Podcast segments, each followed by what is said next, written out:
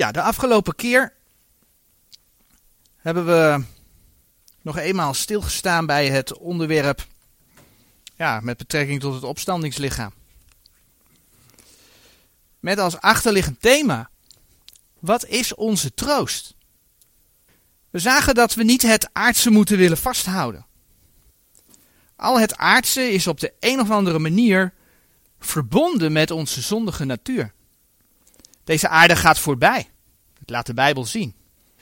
Als we de Heer Jezus kennen, als we wederom geboren zijn, krijgen we een ander, krijgen we een nieuw opstandingslichaam. Een lichaam zonder afbraak, zonder pijn, zonder ziekte. Een lichaam dat niet doodgaat. We zullen uiteindelijk een eeuwigheid binnentreden, hè, waarvan de Heer zegt, 1 Korinther 2 vers 9, dat het in het hart des mensen niet is opgeklommen. Wij zullen het beeld van de Heer Jezus gelijkvormig zijn. En omdat de Heer ons het zoonschap geeft, zal Hij de eerstgeborene zijn onder vele broederen. De aardse relaties zoals we die nu kennen, die zijn er in de eeuwigheid niet. Maar we zullen wel één grote familie zijn. De vorige dingen, Jesaja 65 vers 17, zullen niet meer gedacht worden en zullen in het hart niet opkomen. Het zal volmaakt zijn. En dat is waar wij naar uit mogen zien. En daarom Colossense 3 vers 2 zegt, bedenk de dingen die boven zijn, niet die op de aarde zijn. En eigenlijk is dat hetgeen waar we ook de laatste tijd via de ontwikkelingen die we in de wereld zien mee in aanraking komen. Dat wij gericht moeten zijn op boven en niet op deze aarde. De vorige keer liet ik kort zien hoe de wereld onstabiel aan het worden is. Overal horen we geruchten van oorlogen, maar ook van opstand. Ik heb al een aantal malen Matthäus 24, vers 6 en 7 aangehaald, waar dat ook beschreven staat. In combinatie met pestilentieën, aardbevingen, noem maar op. En zonder er echt inhoudelijk op in te willen gaan, wil ik het volgende noemen. Ik kwam dit bericht, dit bericht tegen. De kop van dit artikel luidt: BLM, eh, Black Lives Matter, leider roept op om kerken te vernietigen. Het zou hem gaan om allemaal afbeeldingen van Jezus en zijn discipelen die op Europeanen zouden lijken. En hij kwam zelf met een beeld op Twitter hoe de Heer Jezus er volgens hem uitgezien zou moeten hebben. Nu heeft dit, die oproep voor zover ik weet, nog niet direct tot extra geweld tegen kerken geleid. Maar je ziet hoe er geprobeerd wordt om in de onrust van, van deze wereld, om daar het geloof in de strijd bij te gaan betrekken. Nou hebben beelden natuurlijk helemaal niets te maken met het levend geloof in de Heer Jezus. En zoals gezegd, zonder er echt inhoudelijk op in te willen gaan, was de Heer Jezus iemand met een donkere huid en als ik goed naar die haren kijk, met kroesachtig haar?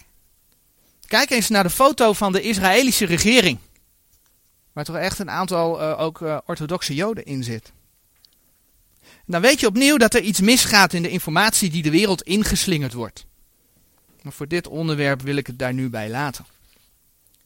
De afgelopen week was er in Nederland ook iets wat op rellen leek.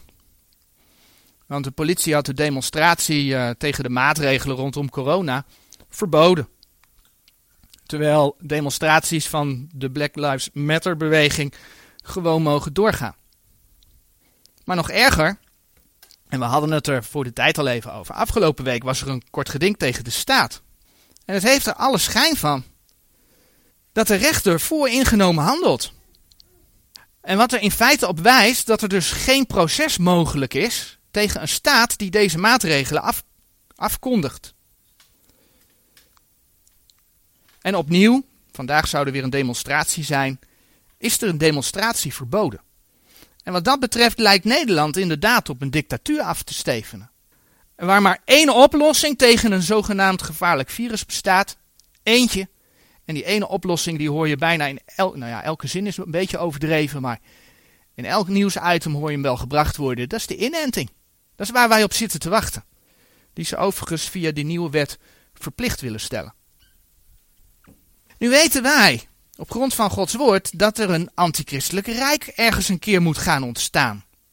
En dat is het werk van de duisternis. Onder toelating van de Heere God. Maar het is het werk van de duisternis. Maar wat mij opviel, is hoe sterk veel partijen die met die vrijheidsstrijd bezig zijn, New Age gericht zijn. Ze hebben het over karma. Ze hebben het over uh, oproep tot meditatie. Oproep tot yoga. uh, ik las op Viruswaanzin dat we opgeroepen worden om te mediteren. Zoals dit laat zien. En ik klik even door. Ze hebben er ook een aantal redenen bij staan. En ik lees daar twee van voor. Om te mediteren, om de ruimte open te houden voor liefde en geduld. En door samen te mediteren creëren we, zeggen ze, een positief krachtveld. Maar waar komt yoga ook alweer vandaan? Yoga is opgedragen aan de hindoeïstische god Shiva. En als je gaat kijken wie Shiva is en, en, en de eigenschappen van Shiva bekijkt, dan zie je dat Shiva is gewoon wat de Bijbel de duivel noemt. Met de oefeningen van de yoga wordt de slang in de mens opgewekt. Dus van welk krachtveld maakt men gebruik? En dat die slang opgewekt wordt. Het plaatje is denk ik veraf een beetje moeilijk te zien. Maar die slingers die zo om die chakra's heen gaan, dat zijn twee slangen. Het is gewoon uh, feit dat binnen de yoga gaat men ervan uit dat de slangenkracht in de mens opgewekt moet worden. Dus als je met yoga bezig bent, dan ben je bezig om de slang, om, om de duivel in jezelf op te wekken. Dus met, met wat voor een krachtveld is men bezig? En het lijkt er mij duidelijk op dat het antichristelijk rijk dat op de een of andere manier uit deze huidige ontwikkelingen zal gaan ontstaan, tegen zichzelf verdeeld is. Met God en zijn woord, met de Heer Jezus, heeft men de mensen afgerekend, want daar willen mensen niet over horen. Maar het opwekken van de slang, dat wordt omarmd. Weten we wat de Heer Jezus zei? En dan bladeren we naar Matthäus 12. Toen hij ervan beschuldigd werd dat zijn werk door Beelzebul, de duivel, uh, dat hij dat door de duivel deed, door Beelzebul. Nou, het antwoord van de Heer Jezus vinden we in Matthäus 12, de versen 25 en 26. En we lezen in die versen. Doch Jezus, kennende hun gedachten, zeide tot hen: En ieder koninkrijk dat tegen zichzelf verdeeld is, wordt verwoest. En in iedere stad of huis dat tegen zichzelf verdeeld is, zal niet bestaan. En indien de Satan de Satan uitwerpt, zo is hij tegen zichzelf verdeeld. Hoe zal dan zijn rijk bestaan? Ja, de vijand krijgt als onderdeel van Gods toren over de aarde de macht om tijdelijk een koninkrijk op deze aarde op te richten. Maar het is gedoemd ten onder te gaan. En dat zien we eigenlijk met deze dingen die ik net noemde, zien we eigenlijk al gebeuren. Want het is verdeeld. Men wil de duisternis bestrijden, want het wordt vaak ook duivels genoemd. Dat het duivelse plannen zijn waar ze mee bezig zijn. En tegelijkertijd keert men tot dit soort praktijken, yoga, meditatie, om de slangenkracht in zichzelf op te wekken en dan in de liefde en geduld te blijven. Dus door middel van de Satan bestrijdt men de Satan. Is tegen zichzelf verdeeld. En uiteindelijk weten wij dat de Heer zal zegevieren, want dat zegt hij in zijn woord. Hij zal zegevieren. Zijn rijk zal in eeuwigheid bestaan. En dat rijk zal goed zijn. Zal volmaakt zijn. Een rijk van gerechtigheid. Maar dat bracht mij tot de kern van de boodschap ook van de afgelopen keer. Waar ligt onze troost? Ik zag een video. En deze foto is daar een screenshot uit. Waarin aangekondigd werd dat de demonstratie die men voor vandaag georganiseerd heeft opnieuw verboden is. En in die video werd onder andere gezegd: de democratische rechtsstaat is ten einde. En ja, weet je, ik zie dat ook eigenlijk wel gebeuren. Dat die democratische rechtsstaat eigenlijk ten einde is. Want als je dus bij de rechter komt en die luistert al niet serieus, dan ben je een heel eind één. Maar deze video sloot af met het, met het Wilhelmus. En ja, dat, dat ontroerde mij. Ik, uh, eerlijk, ik kreeg de tranen in mijn ogen. Maar tevens besefte ik, waar ligt mijn troost? Zeker in deze tijd zien we het nadrukkelijker dan ooit. Wij moeten het niet van deze aarde, van, van het aardse verwachten. Wij moeten het van de Here verwachten. En dat moeten we ons iedere keer voorhouden. Het Wilhelmus is ooit vanuit vertrouwen op God geschreven.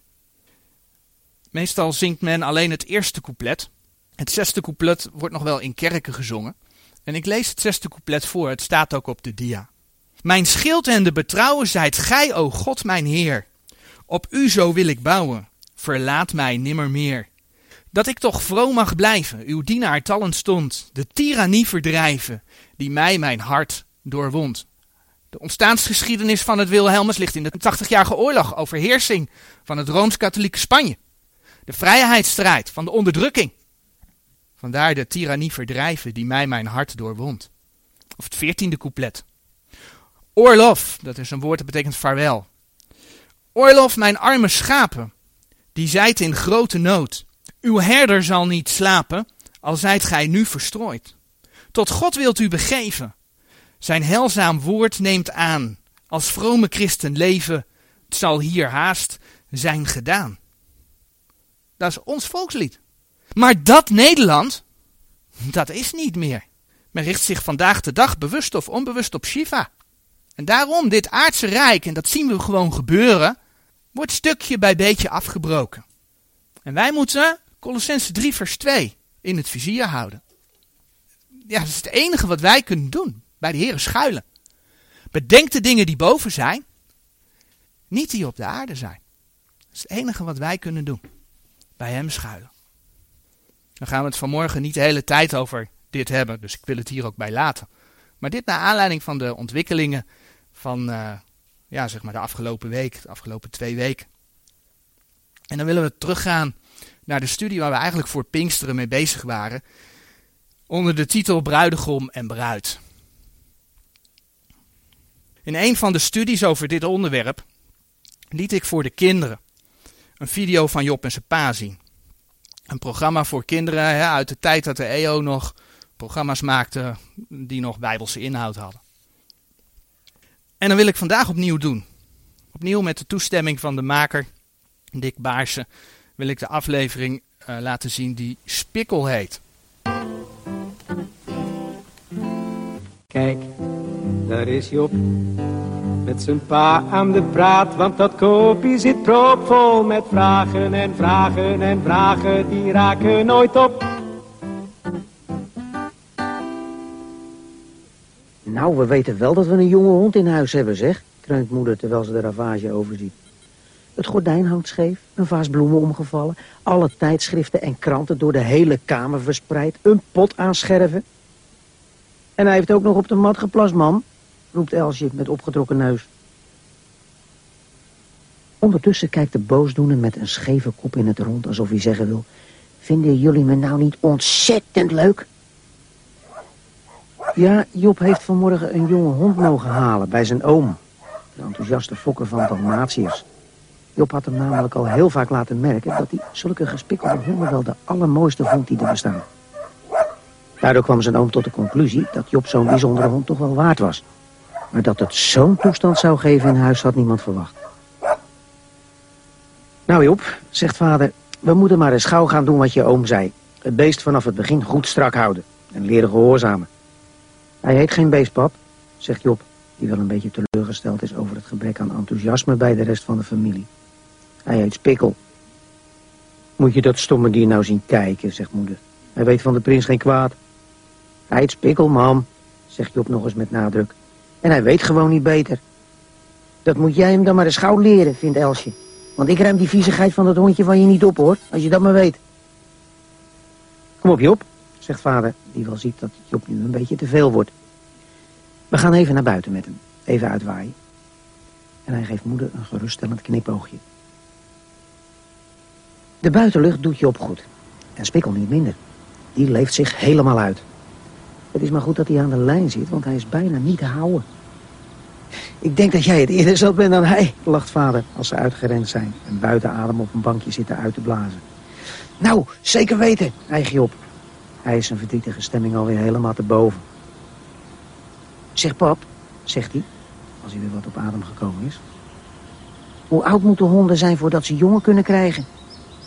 Je wil dan niet zeggen dat je ook Dalmatiërs wil gaan fokken, lacht vader. Zorg eerst maar eens dat je dit malle beest hier een beetje onder de duim krijgt.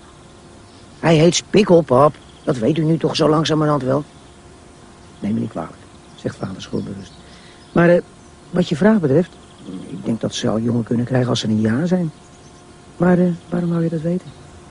Nou, in de natuur is het zo dat als honden en katten er rijp voor zijn, dat ze dan meteen van start gaan.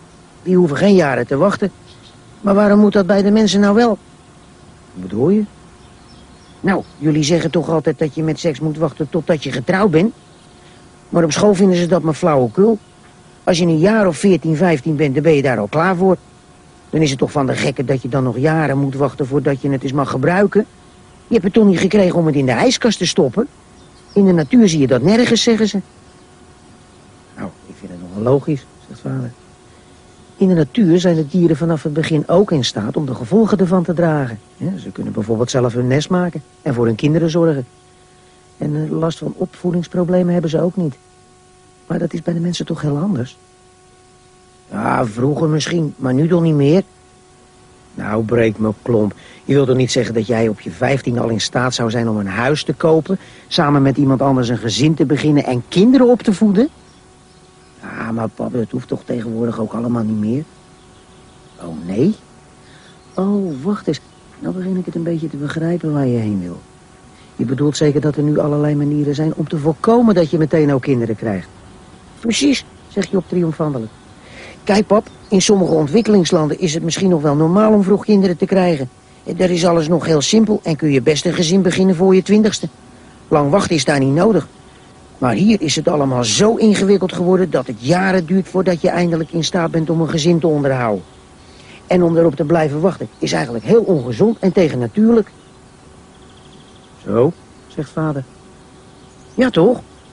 Want het is toch niet normaal dat je biologisch op je vijftiende jaar al geslachtsrijp bent... en dat je dat dan maar moet wegstoppen totdat je op je 25ste misschien eens een keer kan trouwen?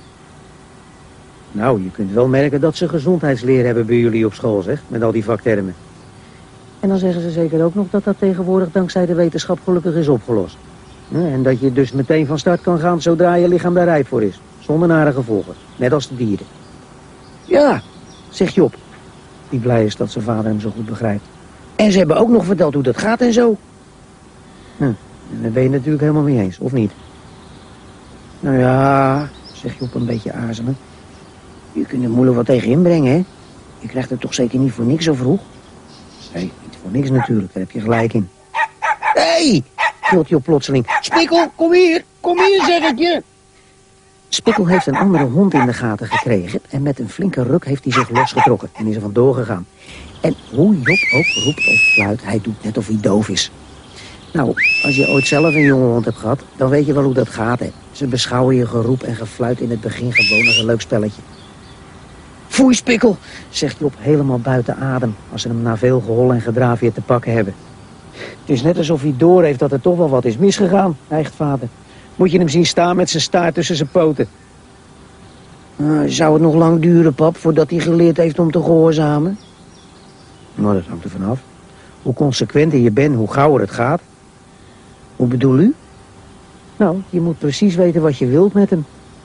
En daar moet je dan geen centimeter van afwijken. Hij moet goed doorkrijgen dat hij altijd precies moet doen wat de baas zegt. En als je dat vanaf het begin strak volhoudt, dan heb je daar voor de rest van zijn leven geweldig veel plezier van. En de rest van de familie ook, hoop ik, zucht Job. Alleen moeten ze wel een beetje geduld met ons hebben, hè, Spikkel? Want het trainen van jou kost wel tijd natuurlijk. Dat spreekt vanzelf, zegt vader. En uh, dat is met seks ook zo. Ja, wat heeft dat er nou weer mee te maken, lach Job. Nou, daar had je het net toch over? Wel, maar, maar seks heeft toch niks te maken met het africhten van een hond, pap? Nou, dat dacht je maar. Weet je Job, als je seksualiteit zich bij je begint te ontwikkelen... dan lijkt het er wel een beetje op alsof je een jonge hond krijgt. Daar kun je geweldig blij mee zijn. Maar dan moet je er wel verstandig mee omspringen.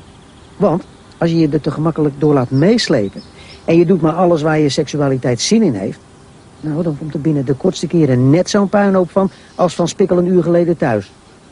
Dus, wat is altijd het eerste wat je jonge honden leren moet? Nou, uh, gehoorzamen zeker, bromt je op. Precies. Want een jonge hond hoef je echt niet te leren hoe die draven, blaffen en bijten moet. Hè? En plassen en poepen ook niet, dat kan hij allemaal wel.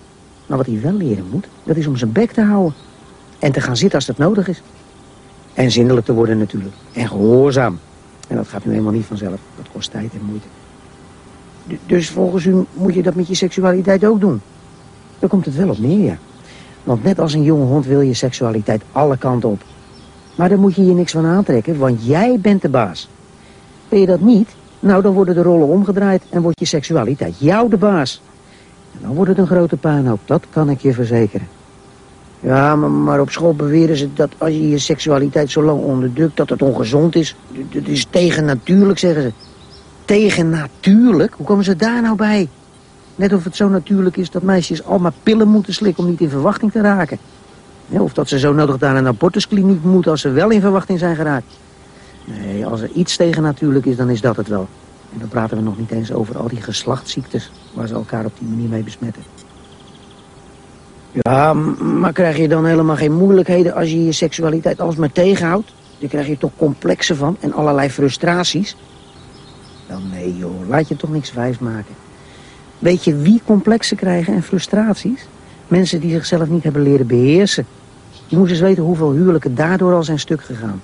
En hoeveel verdriet zulke mensen veroorzaken. En dat is toch logisch? Kijk nou eens naar je hond. Uh, naar Spikkel bedoel ik. Wanneer krijg je nou de meeste moeilijkheden met hem, dacht je? Wanneer hij de baas is of wanneer jij de baas bent? Nou, daar ben ik zo langzamerhand wel achter. Een hond heeft leiding nodig. Hij heeft gewoon te weinig hersens om hem zomaar zijn eigen gang te laten gaan. En dat is met seks nog veel meer het geval. Weet je, wanneer je er niet voor zorgt dat je je seksualiteit goed onder controle krijgt... dan worden op een gegeven moment de belangrijke beslissingen niet meer in je hersens genomen... maar onder de gordel, als je begrijpt wat ik bedoel. En dat is wel zo verschrikkelijk dom. Uh, hoe bedoel u, pap? Nou, dan vraag je je niet meer af of het verstandig is wat je doet... of dat het goed is, maar alleen maar of je het lekker vindt of leuk... Voor de rest denk je nergens meer aan.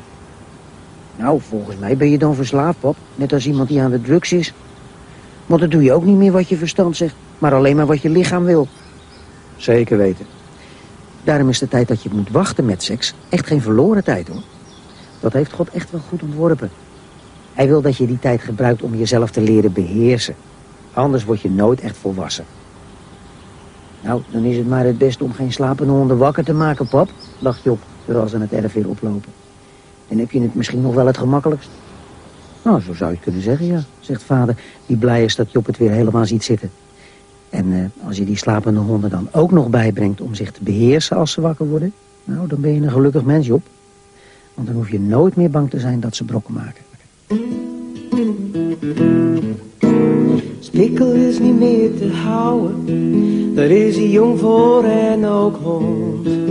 Hij heeft nog niet geleerd wat goed is of verkeerd en daarom vliegt alles in het rond. Iemand moet dat beest gaan temmen, anders loopt de zaak uit de hand. Dat komt niet in een mop, al kijkt hij naar je op, dat stomme dier heeft geen verstand. Hé, hé, hé, spikkel, spikkel, spikkel, als we jou je gang laten gaan. Spikkel, spikkel, spikkel dan gaat de hele boel eraan. Net zo'n jonge hond als Pikkel is een heel bepaald gevoel. Een prikkel in je maag als iemand zegt ik mag je zo graag als je begrijpt wat ik bedoel. Geef je ze de vrije teugel, dan maken Spikkel en die prikkel jou tot slaaf. De gevolgen zijn voor jou, ja je staat mooi in de kou. Jij moet de baas zijn, hou ze braaf. Hey, hey, hey, spikkel, spikkel, spikkel. Als we jou je gang laten gaan. Prikkel, prikkel, prikkel. Dan gaat de hele boel eraan. Ja, dat was uh, het verhaal van Spikkel. En eigenlijk gaat het dus in deze video erom dat ja, mensen zich moeten leren beheersen om brokken te voorkomen. En wij hebben in de serie Bijbelstudies gezien wat de Heere God als een huwelijk ziet. Daar waar man en vrouw er bewust voor kiezen om samen te zijn en één vlees te worden, ontstaat er een verbond tussen hen, laat de Heere zien in zijn woord.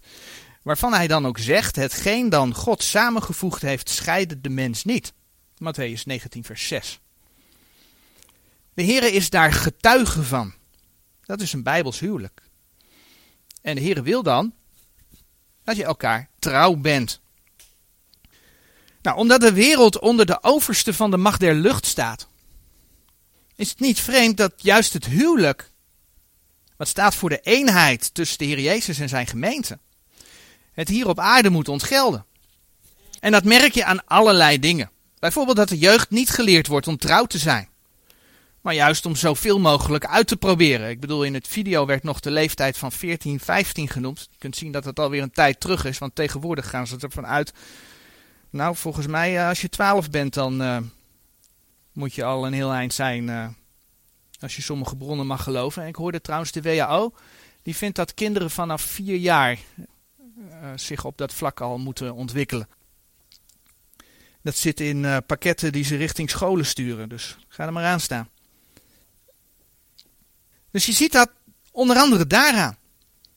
Kinderen moeten zoveel, zo vroeg mogelijk uitproberen. En wat leidt dat? Dat leidt tot hoererij. Bij hoererij word je dus één vlees met anderen. Zonder de bedoeling om bij elkaar te blijven. Je bent dus per definitie ontrouw. Terwijl de Heere God wil dat je trouw bent.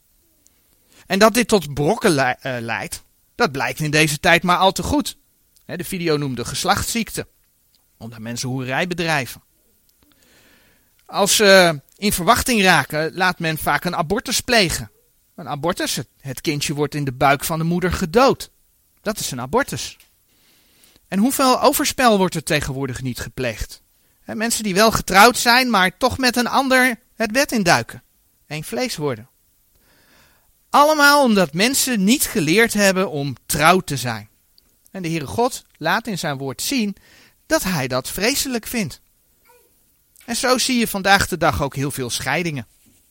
Mensen gaan snel uit elkaar. En zien dat dan als de beste oplossing.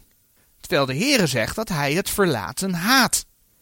Wat dan weer niet wegneemt dat hij in bepaalde situaties wel degelijk scheiden en hertrouwen toelaat. De bijbelse redenen bij de dood, bij hoerij en bij verlating door de ongelovige echtgenoot. Maar hoe kun je al die brokken voorkomen? Nou, het mooie is dat de Heere God daar in zijn woord ook handvaten voor geeft. En daar willen we vandaag dan bij stilstaan.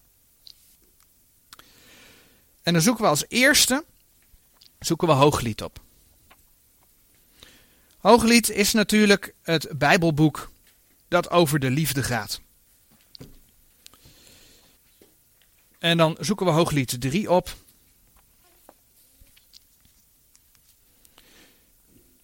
De tekst komt overigens ook op de dia te staan, maar het is wel handig om Hooglied 3 erbij te hebben, want ik ga een aantal versen langslopen. In Hooglied 3 vers 5, daar lezen we, Ik bezweer u, gij dochteren van Jeruzalem, die bij de reeën of bij de hinder des velds zijt, dat gij de liefde niet opwekt, noch wakker maakt, totdat het haar luste. Dit boek, Hooglied, is natuurlijk een mooie profetische vooruitblik op de liefde tussen de Heer Jezus en zijn gemeente. De relatie tussen de Heer Jezus en zijn gemeente. Maar we kunnen dit gedeelte in een Hooglied ook letterlijk op de liefde toepassen. In Hooglied 3 vers 1, daar lezen we dat de bruid haar bruidegom zoekt. En dat doet ze op haar bed. Maar hij is er niet. Ze gaat zoeken. En vindt hem in eerste instantie niet. Dat lees je in vers 2 en 3. Totdat ze hem wel vindt. In vers 4. Zij houdt hem vast. En dan denk ik aan Genesis 2, vers 24. Ze kleven elkaar aan. En brengt hem, en dat lees je in vers 4, in haar moeders huis in de binnenste kamers. Dat staat in vers 4. En dan volgt dus het advies van Hooglied 3 vers 5. Ik bezweer u, gij dochteren van Jeruzalem, die bij de reeën of bij de hinder des velds zijt, dat gij de liefde niet opwekt, noch wakker maakt, totdat het haar luste. Bij vers 4, het uh, in haar moeders huis brengen, in de binnenste kamers, daar moest ik denken aan de geschiedenis van Isaac en Rebekka. De knecht van Abraham, die naar het uh, land gaat, waar Rebecca dan woont. En hij gaat haar, komt hij in aanraking met Rebecca, brengt Rebecca mee terug. En wanneer zij dan bij Isaac komt, dan lezen we in Genesis 24, vers 67. En Isaac bracht haar in de tent van zijn moeder Sarah. En hij nam Rebekka en zij werd hem ter vrouw en hij had haar lief. Alzo werd Isaac getroost na zijn moeders dood. Voor Isaac en Rebekka was dat het moment om man en vrouw te worden. Voor die tijd moet je de liefde niet opwekken. De Heer waarschuwt dus om de liefde niet te forceren. Eigenlijk is dat wat we ook in de video zagen. Wachten om brokken te voorkomen. Nou, in, in deze geschiedenis van Hooglied zien we hoe de bruid actief zoekt. Maar als je in Genesis 2 leest, en ook dat gedeelte pakken we er even bij. Als je in Genesis 2 leest, dan lees je hoe God eh, Eva tot Adam bracht. In vers 22 van Genesis 2. En de Heere God bouwde de ribben die hij van Adam genomen had tot een vrouw en hij bracht haar tot Adam. In Genesis 2 vers 19 lees je dat Adam alle dieren een naam mag geven. En blijkbaar viel hem daarbij iets op. Want in Genesis 2 vers 20 lees je. Zo had Adam genoemd de namen van al het vee en van het gevogelte des hemels en van al het gedierte des velds, maar voor de mens vond hij geen hulpen die als tegen hem over waren. Maar de Heere God had dat ook gezien. Want in Genesis 2 vers 18 lees je. Ook had de Heere God gesproken, het is niet goed dat de mens alleen zij. Ik zal hem een hulpen maken die als tegen hem over zijn. Dus Adam zag dat hij alleen was, maar de Heere God was blijkbaar al bezig om dat voor hem op te lossen. En zoals Genesis 2 vers 22 zegt, en hij bracht haar tot Adam. Ook in deze zaken moeten mensen dus leren te vertrouwen op de Heere God. Zoals we in een eerdere studie gezien hebben, is het advies in de gemeentetijd, 1 Korinthe 7 vers 1, eigenlijk om alleen te blijven. Maar als je er wel naar verlangt, dan is het in feite een opdracht om te huwen. Uit bescherming tegen hoererij. En dat kun je vinden, we hebben bij die teksten eerder stilgestaan, in 1 Korinthe 7 vers 1, vers 8, vers 9 en vers 2. Maar als je dan beseft dat God Adam zag, dan mag je er dus voor bidden dat de Heer je ook een levenspartner op je weg mag brengen. En daar mag je zelfs al heel jong mee beginnen. Bidden dat de Heer je leven leidt en zelfs dat Hij je in de toekomst de juiste partner zal geven. Gewoon alles in vertrouwen aan de Heere God geven. Maar als je dan iemand tegenkomt en het begint te kriebelen. Waar moet je dan op letten? Nou, daarvan willen we allereerst een gedeelte gaan lezen uit Gods woord. En dat vinden we in 2 Korinthe 6.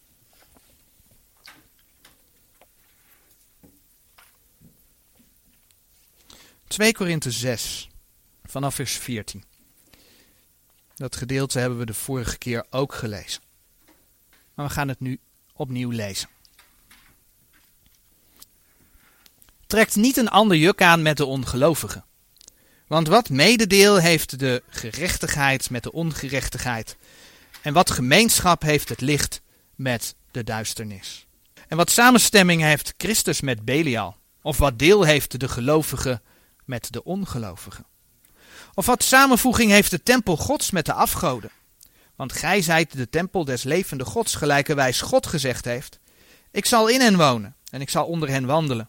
En ik zal hun God zijn, en zij zullen mij een volk zijn. Daarom gaat uit het midden van hen en scheidt u af, zegt de Heere, en raakt niet aan hetgeen onrein is. En ik zal u lieden aannemen. En ik zal u tot een vader zijn, en gij zult mij tot zonen en dochteren zijn, zegt de Heere, de Almachtige. Dit gedeelte gaat over het niet aantrekken van een ander juk met de ongelovigen. En dan zegt 2 Korinthe 6 vers 17. Daarom gaat uit het midden van hen en scheidt u af. Zegt de Heere. Is overigens niet een geliefd iets in deze tegenwoordige tijd, maar de Heere leert, gaat uit het midden van hen en scheidt u af. Dat zegt Gods woord. Maar in dit gedeelte wordt het woordje huwelijk eigenlijk niet genoemd. En je kunt je voorstellen dat dit in heel veel situaties geldt. Zo lezen we in Psalm 1, vers 1. De tekst staat hier op de dia.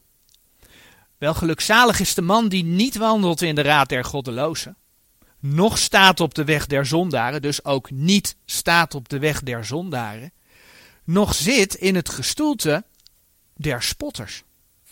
De Heere leert afscheiding in zijn woord. Geen vermenging met de ongelovigen. En daarin hebben we dus het volk van God, daarin hebben we Israël als voorbeeld gekregen. De vorige Bijbelstudie zagen we al even dat Paulus hier het Oude Testament een aantal malen citeert.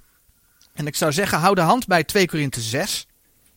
En dan gaan we een aantal van die teksten opzoeken. En dan zie je dus dat Paulus die teksten citeert. En als eerste zoeken we Leviticus 26 op.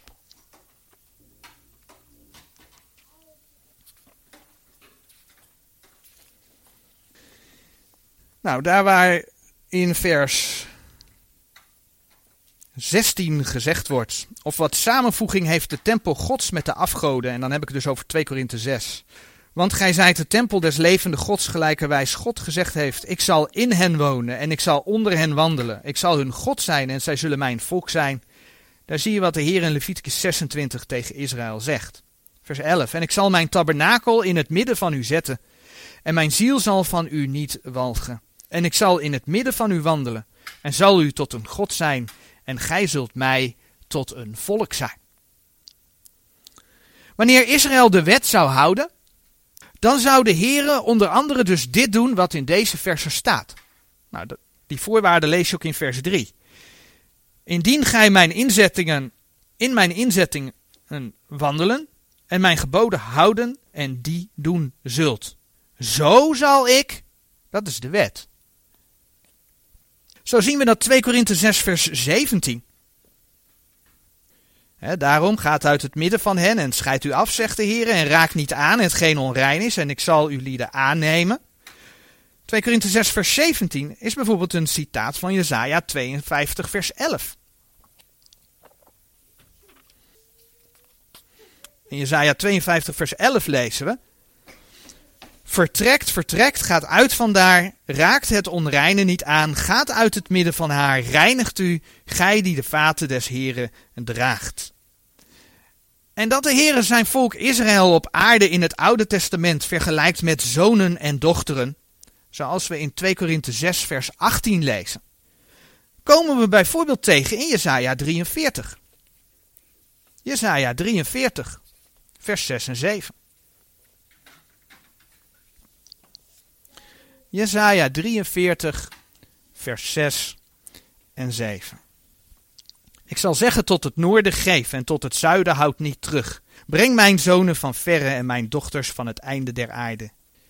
En ieder die naar mijn naam genoemd is en dien ik geschapen heb tot mijn eer, dien ik geformeerd heb, dien ik ook gemaakt heb. Dit wordt tegen Israël gezegd. En je kunt dat onder andere ook vinden in Jesaja 49 vers 22 en Jesaja 60, vers 4. Omdat Paulus, 2 Korinthe 6, vers 14 tot en met 18, tegen de gemeente zegt, heeft het dus ook betekenis voor de gemeente. Maar leerstellig is dit gedeelte van toepassing op Israël. En dat wordt ook heel duidelijk uit die context. Want Paulus citeert de wet. En dat blijkt ook. Want wanneer wij ons afscheiden van ongelovigen, maakt ons dat geen kinderen van God. Voor Israël gold dat wel. Zij moesten de wet doen. En dan zou God hun een vader zijn. En zouden zij zonen en dochters zijn van hem. Dat zegt God tegen Israël. Voor ons geldt dat niet. Ons behoud als gemeente is niet uit de werken, zegt Efeze 2 vers 8 tot en met 10. Ons behoud ligt in het vergoten bloed van de Heer Jezus voor onze zonde. Romeinen 5 vers 8 en 9. Dit gedeelte is dan ook een citaat uit het Oude Testament. Maar dat betekent dus wel dat we er iets van kunnen leren. Dat betekent wel dat er een geestelijke les in zit. Ook voor ons. Ja, en dat klopt ook. Dan bladeren we naar 1 Korinthe 10. Wanneer Paulus het over Israël heeft, wanneer de Heere het over Israël heeft, in 1 Korinthe 10, dan wordt er in 1 Korinthe 10 vers 11 het volgende gezegd. En deze dingen alle zijn hun lieden overkomen tot voorbeelden en zijn beschreven tot waarschuwing van ons, op de welke de einde der eeuwen gekomen zijn. En zo citeert Paulus, de Heere door Paulus, Israëls afscheiding van de volken, om ons te vertellen dat wij ons moeten afscheiden van de ongelovigen. En dat is waar dit gedeelte over gaat. Nou, en die opdracht van Israëls afscheiding van de volken, die kom je echt in het Oude Testament op meerdere plekken tegen. Uh, de vorige keer heb ik, ik heb het niet uh, gelezen, maar wel genoemd als voorbeeld, Deuteronomium 7, vers 3 tot en met 5. Maar laten we vandaag Exodus 34 opzoeken. Want dan kom je het ook tegen. Exodus 34 vanaf vers 14.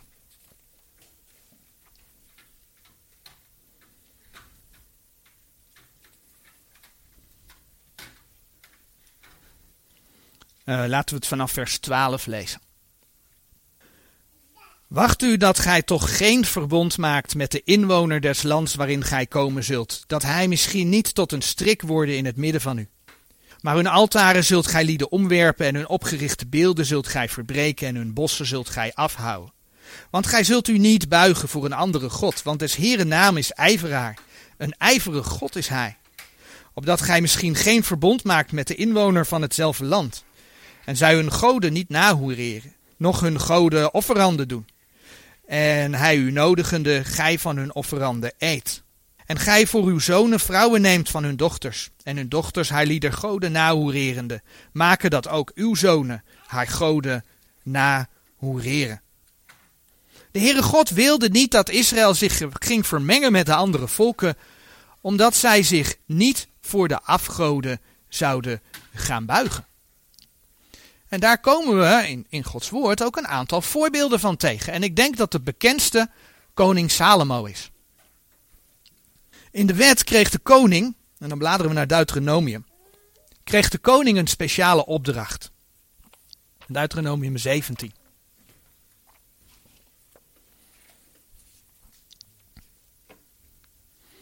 En Salomo is natuurlijk een hele bekende koning.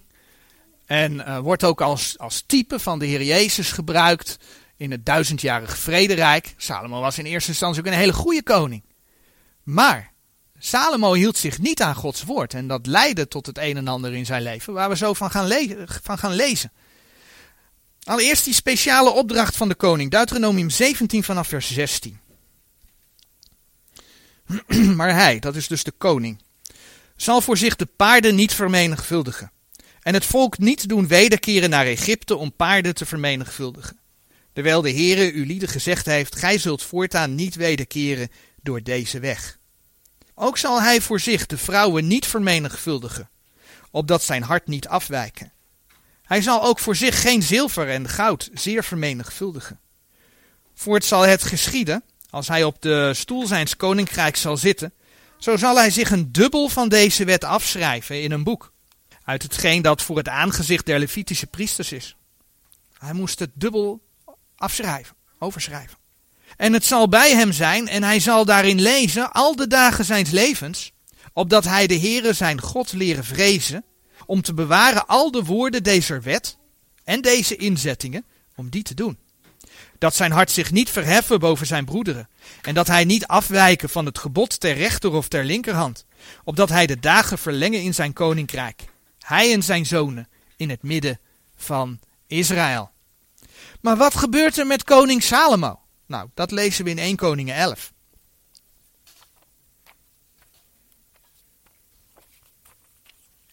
Salomo doet precies alles eigenlijk wat hij niet moet doen.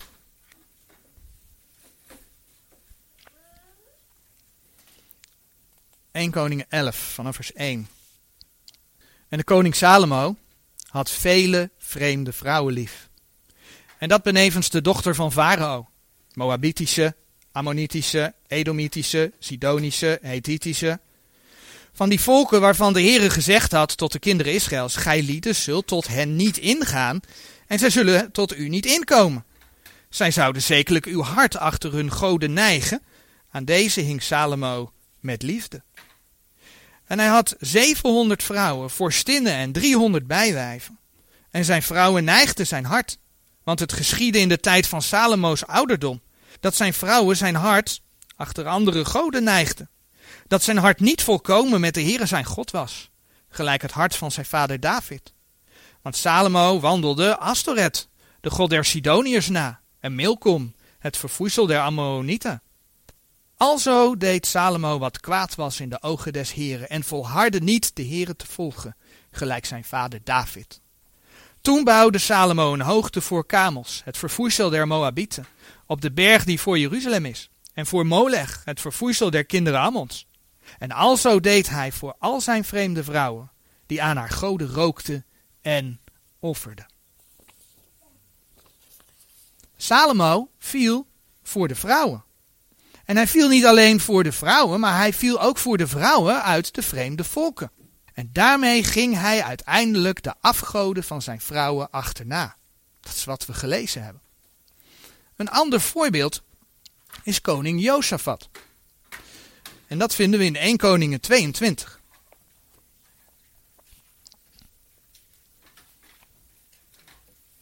Eén Koningen 22. In vers 43 staat van uh, koning Jozefat geschreven, 1 Koningen 22 vers 43. En hij wandelde in al de weg van zijn vader Asa.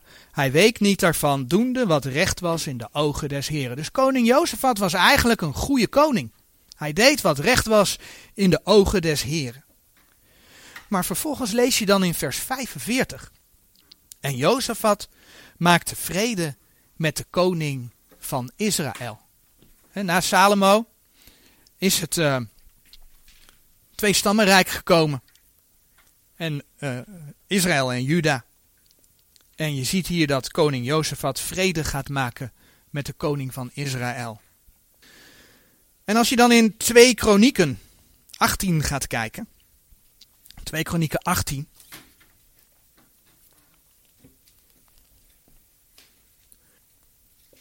Vers 1. Dan lees je dat die vrede veel verder ging. Jozefat ging zich vermengen met het huis van Agab. Want wat lezen we in 2 Kronieken 18 vers 1? Jozefat nu had rijkdom en eer in overvloed en hij verzwagerde zich aan Agab. Hij liet zijn zoon trouwen met Atalia, de dochter van Agab. Dat kun je bijvoorbeeld in 2 Kronieken 21 vers 6 zien. Maar Agab, dat is die koning van Agab en Izebel. Die koning die de Baal vereerde. Hè? We kennen het uit de geschiedenis van Elia. Elia op de Karmel. En de profeten van Baal. En kijk wat dan de profeet Jehu, Jehu tegen Jozefat zegt in 2 Kronieken 19 vers 2.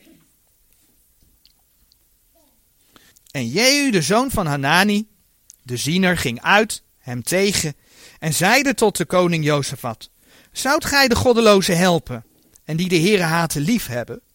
Nu is daarom over u van het aangezicht des Heren grote toornigheid. En als gevolg van dat alles zien we dat de zoon van Jozefat, Joram, uiteindelijk niets van de Heere wil weten. In 2 Koningen 18, 2 Koningen 8, vers 18, lezen we over de zoon van Jozefat, koning Joram. Op sommige plaatsen ook wel Jehoram genoemd, maar dat gaat over dezelfde koning. 2 Koningen 8, vers 18. En dan lees je over koning Joram. En hij wandelde op de weg der koningen van Israël. Gelijk als het huis van Agab deed. Want de dochter van Agab was hem ter vrouw geworden. En hij deed wat kwaad was in de ogen des Heren. Dus Jozefat verzwagerde zich met het huis van Agab. Zijn zoon trouwde met de dochter van Agab. En wat gebeurt er? Die zoon die uh, laat de Heren los, gelooft niet in de Heren, wil de Heren niet dienen. Maar gaat een Baal vereerder worden. Dat is wat we zien. Dat is waar de Heer tegen gewaarschuwd heeft in de wet. En als de mensen dat loslaten, dan gebeurt dat. Dit voorbeeld stelt de Heer dus ook aan de gemeente. Vermeng je niet met de ongelovigen. Dat is wat we in 2 Korinthe 6 gelezen hebben. Maar dat kunnen we in deze wereld natuurlijk nooit compleet doorvoeren. We hebben ons werk met collega's die vaak de Heeren niet kennen.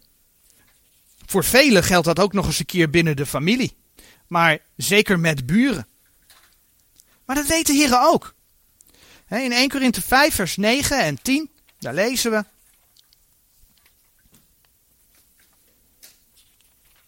...1 Korinthe 5 vers 9 en 10... Ik heb u geschreven in de brief dat gij u niet zoudt vermengen met de hoereerders.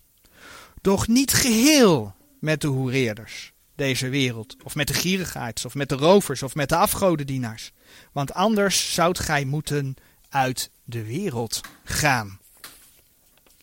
Het is dus niet de bedoeling dat we letterlijk de wereld moeten verlaten. Maar keuzes in het dagelijks leven hebben we wel te maken. Gaan we als christen het nachtleven opzoeken bijvoorbeeld?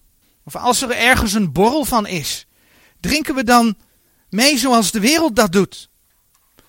Doen we in gesprekken mee met platte grappen en schuine moppen? En niet onbelangrijk, ook voor degenen die op school zitten. Wie kies ik als mijn vrienden? Wie kies ik als mijn vriendinnen? En zo zijn er nog veel meer voorbeelden te noemen. Psalm 1, vers 1, daar komt de tekst nog een keer. Verwoordt het zo mooi. Wel gelukzalig is de man die niet wandelt in de raad der goddelozen, nog staat op de weg der zondaren, nog zit in het gestoelte der spotters. Je kunt niet altijd voorkomen dat je je onder de spotters bevindt. Dat lukt in deze wereld niet. Maar de vraag is: zit ik zelf niet in het gestoelte der spotters? Doe ik niet met ze mee? Dat is wat de Heer vraagt. Keuzes maken. Zoals gezegd, 2 Korinthe 6, vers 14 tot en met 18, gaat eigenlijk dus niet heel direct over het huwelijk. Maar het is er zeker van toepassing op. Zeker ook gezien de voorbeelden uit het Oude Testament. Waar we zagen dat het juist ging om de, eh, de vermenging door het huwelijke. Maar wat dit gedeelte ook zo toepasbaar maakt op het huwelijk, is dat hier sprake is van een juk. In 2 Korinthe 6, vers 14. Als je in de Bijbel op zoek gaat naar een juk, dan betreft dat meestal een last. Een juk van vijanden, een juk van dienstbaarheid. Nou, allerlei versen kun je daarbij opzoeken. Onder andere Deuteronomium 28 vers 47 en 48. 2 Kronieken 10 vers 4. Handelingen 15 vers 10. Galaten 5 vers 1. Maar een juk werd veelal in de landbouw gebruikt. Het is een soort dwarsbalk. En je ziet het uh, op de foto dat bijvoorbeeld twee ossen verbindt die op zo'n manier een last kunnen dragen. Een wagen trekken, de grond omploegen. Maar waar zorgt dat juk dan voor? Dat, dat juk zorgt ervoor ja, dat die lastdieren dat kunnen doen, maar dat ze ook gelijk opgaan. Waar de ene gaat, gaat de andere. Want ja, met een juk kan niet de een die kant op gaan en de ander die kant op gaan. Dus ze gaan gelijk op. En zo kunnen zij extra dragen en kracht leveren. En Amos 3, vers 3 zegt zo mooi: Zullen twee tezamen wandelen, tenzij dat zij bijeen gekomen zijn. Ja, en binnen het huwelijk is het de bedoeling dat je één bent. En dat je samen de dingen draagt. Maar dan komt hij. Als de ene stilstaat, kan de ander ook niet gaan. En dat geldt dus zeker voor wat betreft het geloof binnen het huwelijk. Wanneer een van beide partners niet gelooft. En daarom zegt de Heer in 2 Korinthe 6 vers 14, trek niet een ander juk aan met de ongelovigen. Want wat mededeel heeft de ongerechtigheid, de gerechtigheid met de ongerechtigheid. En wat gemeenschap heeft het licht met de duisternis. Of in eigen woorden, ga niet trouwen met een ongelovige. Eigenlijk precies zoals de Heer in 1 Korinthe 7 vers 39 zegt. 1 Korinthe 7 vers 39. Een vrouw is door de wet verbonden zolang het tijd haar man leeft. Maar indien haar man ontslapen is, zo is zij vrij om te trouwen die zij wil. Alleenlijk in de Here. Trouw in de Here, oftewel kies een partner die de Here kent. En laten we wel zijn, de gelovige, de gelovige is rechtvaardig voor God. Dat lees je onder andere in Romeinen 4 vers 5. Maar de ongelovige is dat niet. De ongelovige is onrechtvaardig. Kun je onder andere vinden in 1 Timotheus 1 vers 9. De gelovige leeft in het licht. De ongelovige in de duisternis. Kun je onder andere lezen in Efeze 5 vers 8 tot en met 14. De gelovige is een kind van God, Johannes 1 vers 12. De ongelovige is een kind van Satan, Johannes 8 vers 44. De gelovige is, zijn lichaam is, haar lichaam is een tempel van de Heilige Geest, 1 Korinthe 6 vers 19. 2 Korinthe 6 vers 16 spreekt over de tempel van de afgoden. Dat hebben we zojuist gelezen. Dat is dan voor de ongelovigen. De bestemming van de gelovige is de hemel, de bestemming van de ongelovige is de hel. En zo zijn er misschien nog wel meer verschillen te vinden. Maar die verschillen zijn groot. De bedoeling van een huwelijk is dat je één bent. Genesis 2 vers 24, Efeze 5 vers 31. En met deze verschillen gaat dat niet. Kijk maar in 2 Korinthe 6 vers 14 en 15. Zoek daarom geen relatie met een ongelovige. En ik zeg dat zeker ook tegen de jongeren onder ons. Als je een relatie met een ongelovige aangaat, is de kans groot dat deze direct met je naar bed wil. Zeker in deze tijd, want dat hebben ze op de basisschool al geleerd. En dat terwijl je op dat moment niet eens weet of je überhaupt wel bij elkaar wilt blijven. En dan heb je een grote strijd te voeren om je aan Gods woord te houden en niet te vervallen tot hetgeen wat de Heere God hoererij noemt. Ga geen relatie met een ongelovige aan. Je moet je ook niet laten verleiden om te denken, nou, als ik met hem of haar trouw, en die is dan ongelovig, dan komt die persoon wel tot bekering. We hebben de voorbeelden in het Oude Testament gezien. Dat laat eerder het tegendeel zien. Het is niet voor niets dat de Heer waarschuwt. Een van de redenen voor echtscheiding, die de Heer toestaat, is dat de ongelovige de gelovige verlaat. Het kan gebeuren dat iemand binnen het huwelijk tot geloof komt en de ongelovige partner wil niet meer verder. Dan zegt de Heer, laat de ongelovige gaan, de gelovige is dan niet gebonden. Dat lees je in 1 Korinthe 7 vers 15. Daar hebben we de laatste bijbelstudie over dit onderwerp bij stilgestaan. Maar je vindt dat in 1 Korinthe 7 vers 15. Maar kijk wat de Heer er nog meer bij zegt in 1 Korinthe 7 vers 16. Want wat weet gij vrouw, of gij de man zult zalig maken? Of wat weet gij man, of gij de vrouw zult zalig maken? Het feit dat de Heer in deze situatie toestemming voor scheiding geeft en deze opmerking maakt, is het bewijs dat het geen automatisme is dat er een partner wel tot geloof komt. En zoals we gezien hebben, de Bijbelse voorbeelden laten eerder zien dat het tegendeel gebeurt.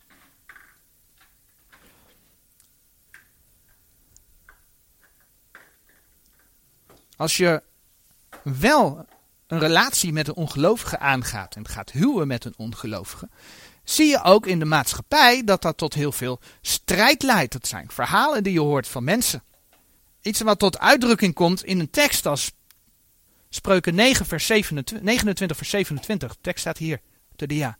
Een ongerechtig man is de rechtvaardige een gruwel, maar die recht van weg is, is de goddeloze een gruwel. Hoe kun je dat ooit samenvoegen? Dat leidt tot strijd. De gelovige partner wil de kinderen vertellen over de Heer Jezus. Maar de ongelovige wil daar niets over horen. En dat heeft effect op allerlei zaken. Hoe ga je om met opvoeding? Hoe ga je om met schoolkeuze? Hoe ga je om met tv kijken? Wat laat ik mijn kinderen zien? Wat laat ik mijn kinderen niet zien? Hoe ga ik om met muziek luisteren? Hoe ga ik om met uitgaan, drinken, roken en noem maar op? Waar we het begin over hadden. De ongelovige grote kans tegenwoordig, die wil mediteren. Wil jij Satans aanbidding in je huis? Je wil de Here dienen. Als gelovige wil je naar de samenkomst, maar de ongelovige wil niet mee. En er thuis over praten mag niet. Sterker nog, hoe vaak hoor je niet dat kleine dingen dan aanleiding gaan geven tot spanning, tot ruzie. En vaak zie je dan dat de gelovige om de lieve vrede wil de mond gaat dichthouden. En dat zijn dus allemaal dingen die je kunt voorkomen als je de Heer al jong kent.